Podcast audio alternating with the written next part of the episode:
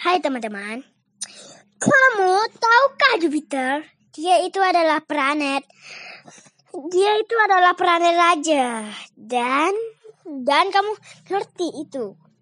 Oh, sepertinya mestilah kamu ngerti. Sekarang kak aku suka komandan dan aku planet apalagi suka Jupiter, raja. Aku suka komandan kakakku suka mayor, mayor. Ya sudahlah.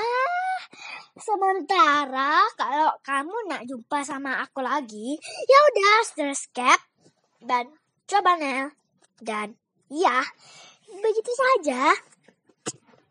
Kita akan berjumpa di markas yang bertabur dan kamar yang bertabur. Oke, saatnya kita kerja dulu stop dulu ya.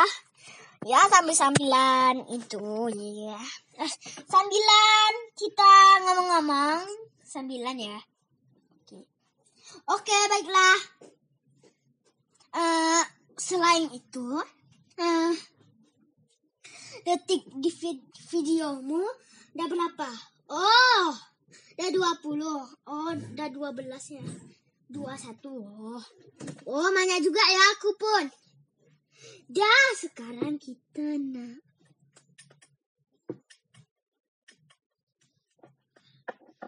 Ya udah, itu terlalu bahaya.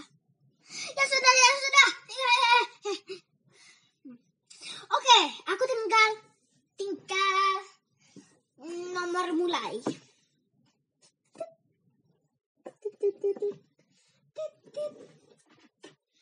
Oke, sudah mulai kan? Ambil sebentar ya, Pi ya. Diam dulu. Hop. Hmm, hop. Oke, oke. Sekarang waktunya kita ke kamar. Yang bertabur tadi dan Marcus bertabur. Dia itu bercampur.